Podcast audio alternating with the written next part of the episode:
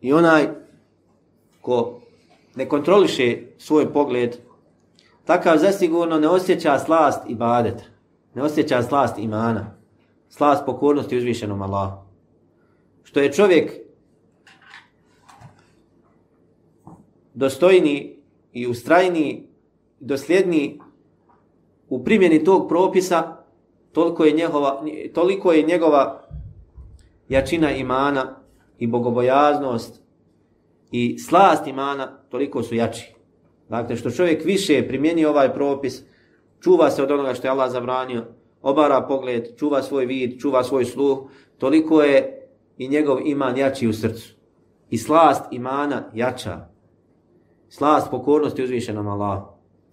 Za razliku od onog koji je pusti svoj pogled i ne kontroliše ga, takav izgubi taj osjećaj, osjećaj slasti, pokornosti uzvišenom Allahu. I zato, draga braćo, neko svako od nas ispita samog sebe.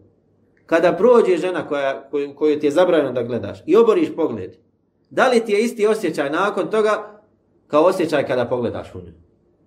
Da li ti je isti osjećaj? Kada prođe žena i oboriš pogled, osjećaj slasti koje posle toga osjećaš, slasti pokornosti uzvišenom Allahu, da si to radi u ime Allaha. Ne može se porediti sa osjećajem slasti dok gledaš tu ženu koja ti je zabrana, od kojeg nemaš nikakve koristi. Gledaš u nju i šta nakon toga? Osjećaš grižu savjesti. Osjećaš grižu savjesti. Jer znaš da si učinio nepokornost Allah, da si učinio grih. Za razliku od onoga koji obori su, od situacije kada obori svoj pogled, tada osjećaj slast, slast imana. Zato onaj ko